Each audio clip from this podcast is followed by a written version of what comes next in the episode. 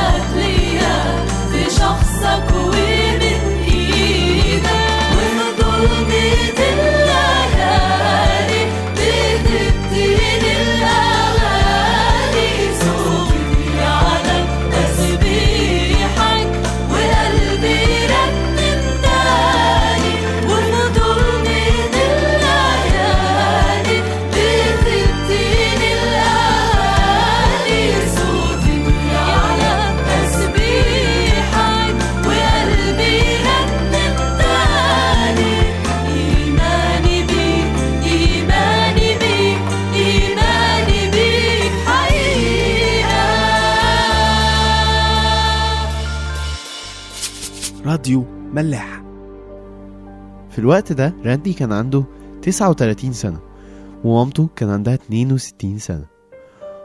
وهو ومامته وباباه كانوا في العربية وباباه هو اللي كان سايق. مامته كانت نايمة على الكنبة اللي ورا وهو برضه قاعد معاها في الكنبة اللي ورا. راندي كان لسه واصل من المطار جه على ملأ وشه وركب العربية معاهم بسرعة. وباباه كان سايق رايح للمستشفى لأن مامته كانت عيانة قوي. في حاجة لازم تبقوا عارفينها كمان في القصة دي.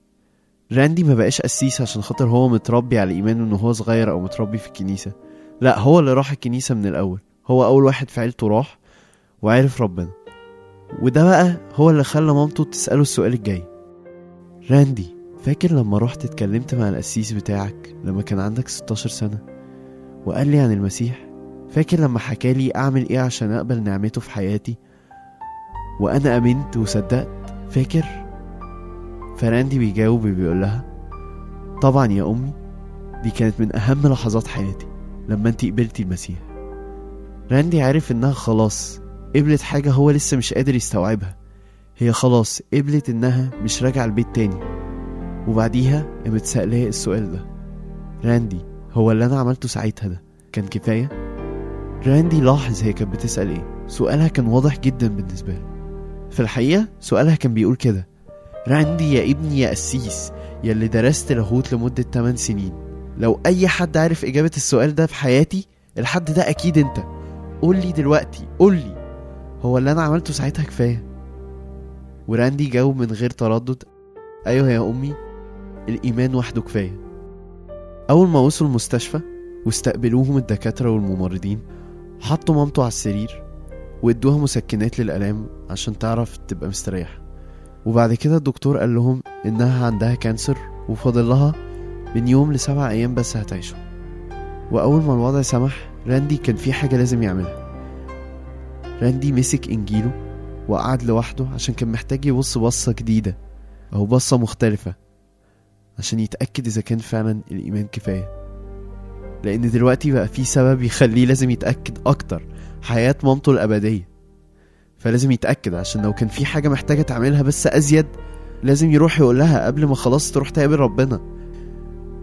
أول حاجة فتحها أندي كانت يوحنا 3 16 لأن هكذا أحب الله العالم حتى بذل ابنه الوحيد لكي لا يهلك كل من يؤمن به بل تكون له الحياة الأبدية.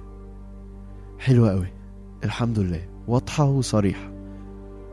وبعد كده فتح حتة تانية من رسائل بولس الرسول. وأرى لأنكم بالنعمة مخلصون بالإيمان وذلك ليس منكم هو عطية الله. ليس من أعمال كي لا يفتخر أحد. خلاص حلوة قوي كده. راندي اطمن بس هو ما اطمنش قوي لأنه كان عارف إن في حاجة كمان. في جزء في الكتاب المقدس يبدو إنه بيناقض اللي قاله يسوع وبولس. جزء طول عمره كان راندي مقرر إنه ما يقربلوش في الكتاب المقدس. لأنه بيزعجه قوي. بس دلوقتي لازم يواجه الجزء ده لأن الحياة الأبدية بتاعت أمه في خطر وهو لازم يجاوب عليها. الجزء ده موجود في رسالة يعقوب الإصحاح التاني من آية 14 لآية 16 بتقول كده ما المنفعة يا إخوتي؟ إن قال أحد إن له إيمانا ولكن ليس له أعمال. هل يقدر الإيمان أن يخلصه؟ وإن كان أخ وأخت عريانين ومعتزين للقوت اليومي فقال لهما أحدكم أمضي بسلام استدفئة وإشباعة ولكن لم تعطوهم حاجات الجسد فما المنفعة؟ هكذا الإيمان أيضا. إن لم يكن له أعمال ميت في ذاته. وبعد كده في آية 24 بيقول كده ترون إذ إنه بالأعمال يتبرر الإنسان لا بالإيمان وحده. راندي ابتدى يلاحظ مشكلة وملقاش قدامه غير أربع حلول. الحل الأولاني إنه يعلن إن الإنجيل بيناقض نفسه وإن بالتالي هو مش الحقيقة ويبدأ يدور له بقى على دين تاني ولا حاجة. الحل التاني هو ابدأ اشتغل اشتغل اشتغل اشتغل. وإن شاء الله على ما تيجي تموت هتخش الملكوت. بس الحل ده فيه مشكلة. أشتغل قد إيه؟ وبعدين مين قال إن أنا عندي الوقت الكافي إني أشتغل؟ ومهما اشتغلت هل فعلا هقدر إن الميزان يطب؟ الحل التالت بقى اعتمد على إيمانك بس. وأقعد صلي جامد قوي إن الإيمان لوحده يبقى كفاية وإن يعقوب أكيد غلطان بقى. بس كان قدامه حل رابع. الحل الرابع هو إنه كان يتأمل شوية ويبص بصة اعمق وهو ده اللي هو عمله بالظبط. بص بصة أعمق. من الأعماق صرخت إليك. يا سيدي استمع صوتي. لتكن أذناك مصغيتين إلى صوت تضرعي. إن كنت للآثام راصدا من يقف أمامك فإن عند الرب الرحمة وهو يفتديك من جميع أثامك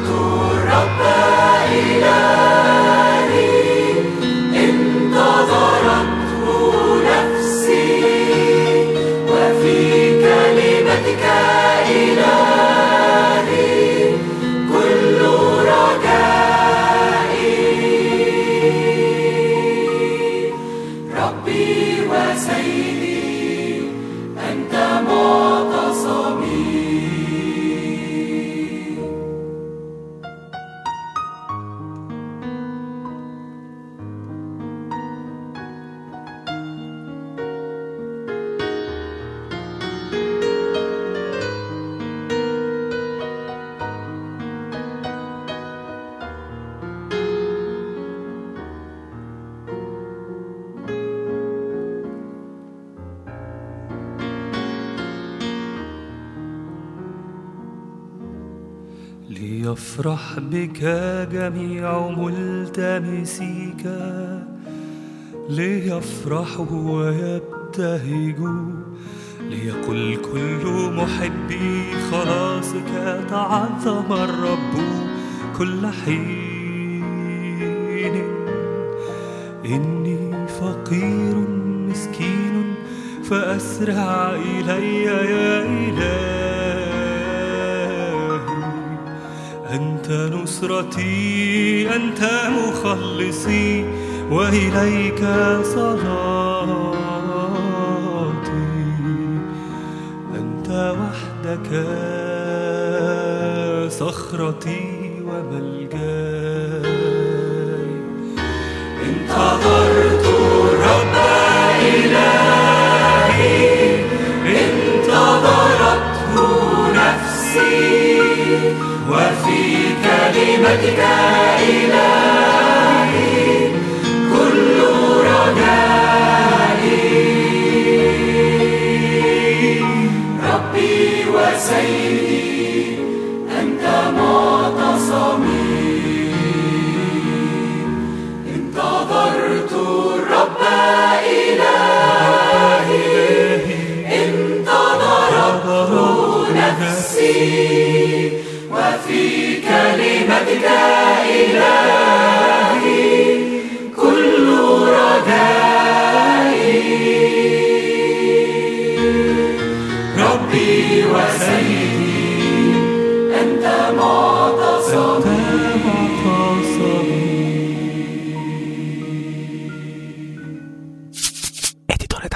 لو انت لسه بتسمع الحلقة يبقى يتهيألي برضه انك اخترت الاختيار الرابع انك عايز تبص بصة اعمق مع راندي.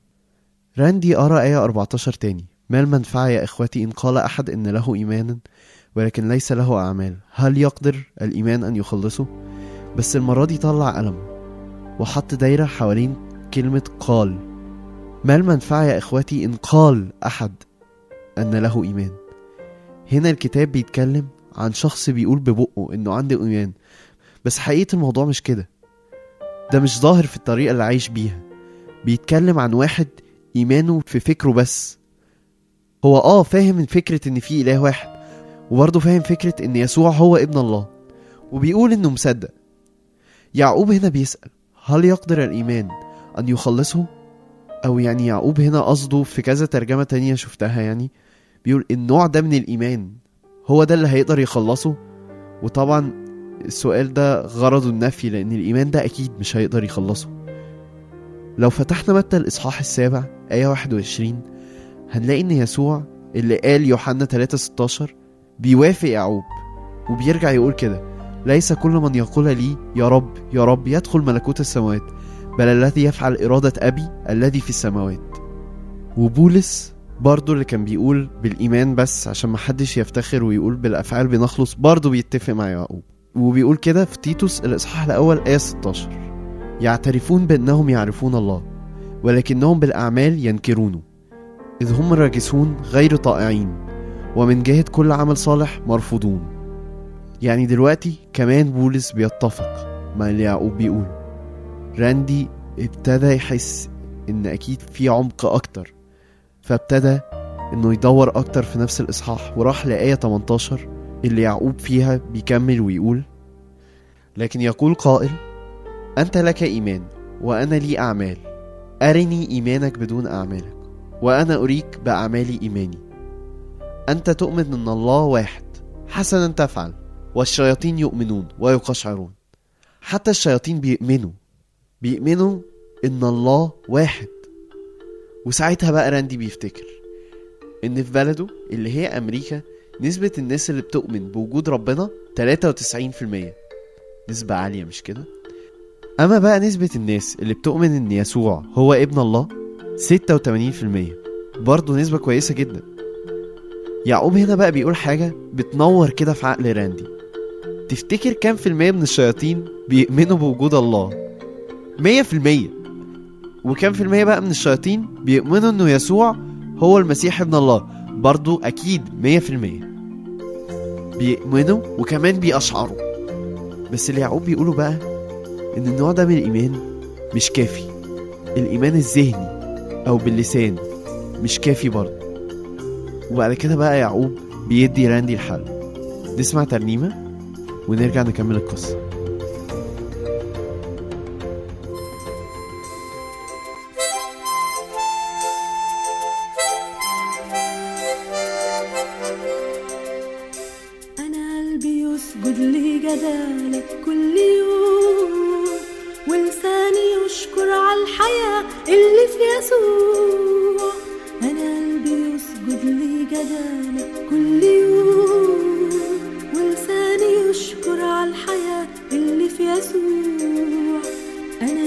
سلامي ونصرتي وحبي يدوم كنت النهاردة هبقى إيه من غير يسوع؟ يسوع أنت ملك الملوك رب الارباب أنت في نورك يختفي كل الضباب يسوع أنت ملك الملوك رب الارباب أنت في نورك يختفي كل الضباب وتبدل الضعف اللي ساكن من زمان. وتدي قوة ونصرة فوق كل الصعاب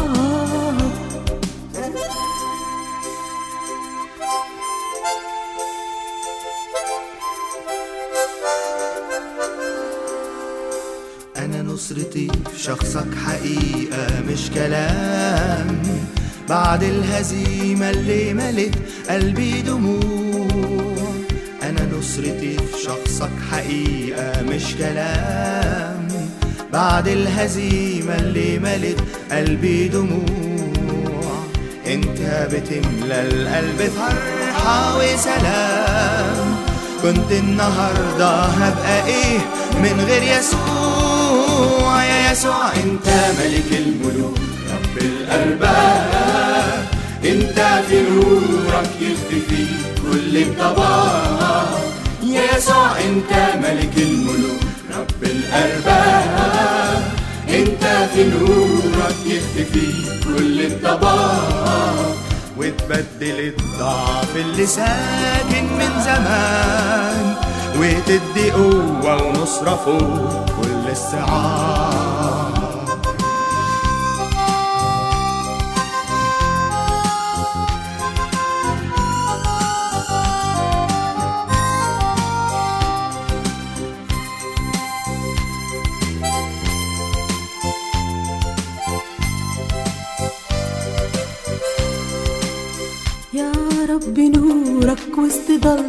ضلمتي يبان وبكلمتك تشبع حياتي بعد جوع يا رب نورك وسط ضلمتي يبان وبكلمتك تشبع حياتي بعد جوع حتى في ضعفي تضمني وتدي الأمان. كنت النهاردة هبقى إيه من غير يسوع؟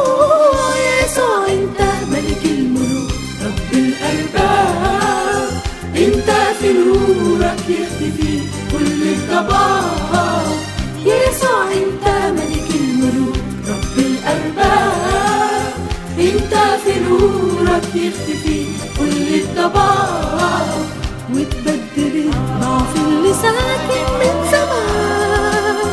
وتدي قوة ونصرة فوق كل الصعاب. يسوع انت ملك الملوك رب انت ملك الملوك رب الأرباب.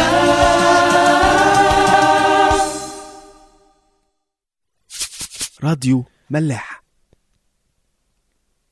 راندي بعديها بيكمل قراية في يعقوب الإصحاح التاني عشان يشوف الحل اللي موجود في آية 21 ألم يتبرر إبراهيم أبونا بالأعمال؟